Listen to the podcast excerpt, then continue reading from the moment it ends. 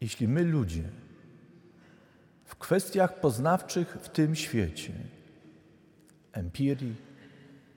w kwestii e, refleksji filozoficznej, poszukiwania mądrości, musimy nieraz się zatrzymać, odczekać albo rozwiązać coś wcześniej i męczymy się nieraz z tym przez nie tylko miesiąc, miesiące, ale lata, a nawet epoki, żeby wreszcie odkryć, a nawet po tylu latach stwierdzamy,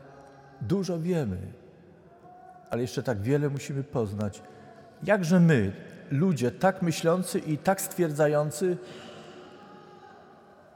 moglibyśmy się w święto Trójcy Świętej odważyć na stwierdzenie, że chcemy poznać Boga, który stoi za całym dziełem, które oglądamy i usiłujemy poznać i zgłębić. Czyż nie powinniśmy w tę niedzielę, radując się z tego wszystkiego, co Bóg nam odsłonił, jednocześnie za apostołem Pawłem wołać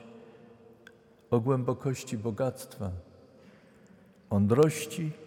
i poznania Boga, jak niezbadane są Jego drogi, niezbadane są Jego wyroki.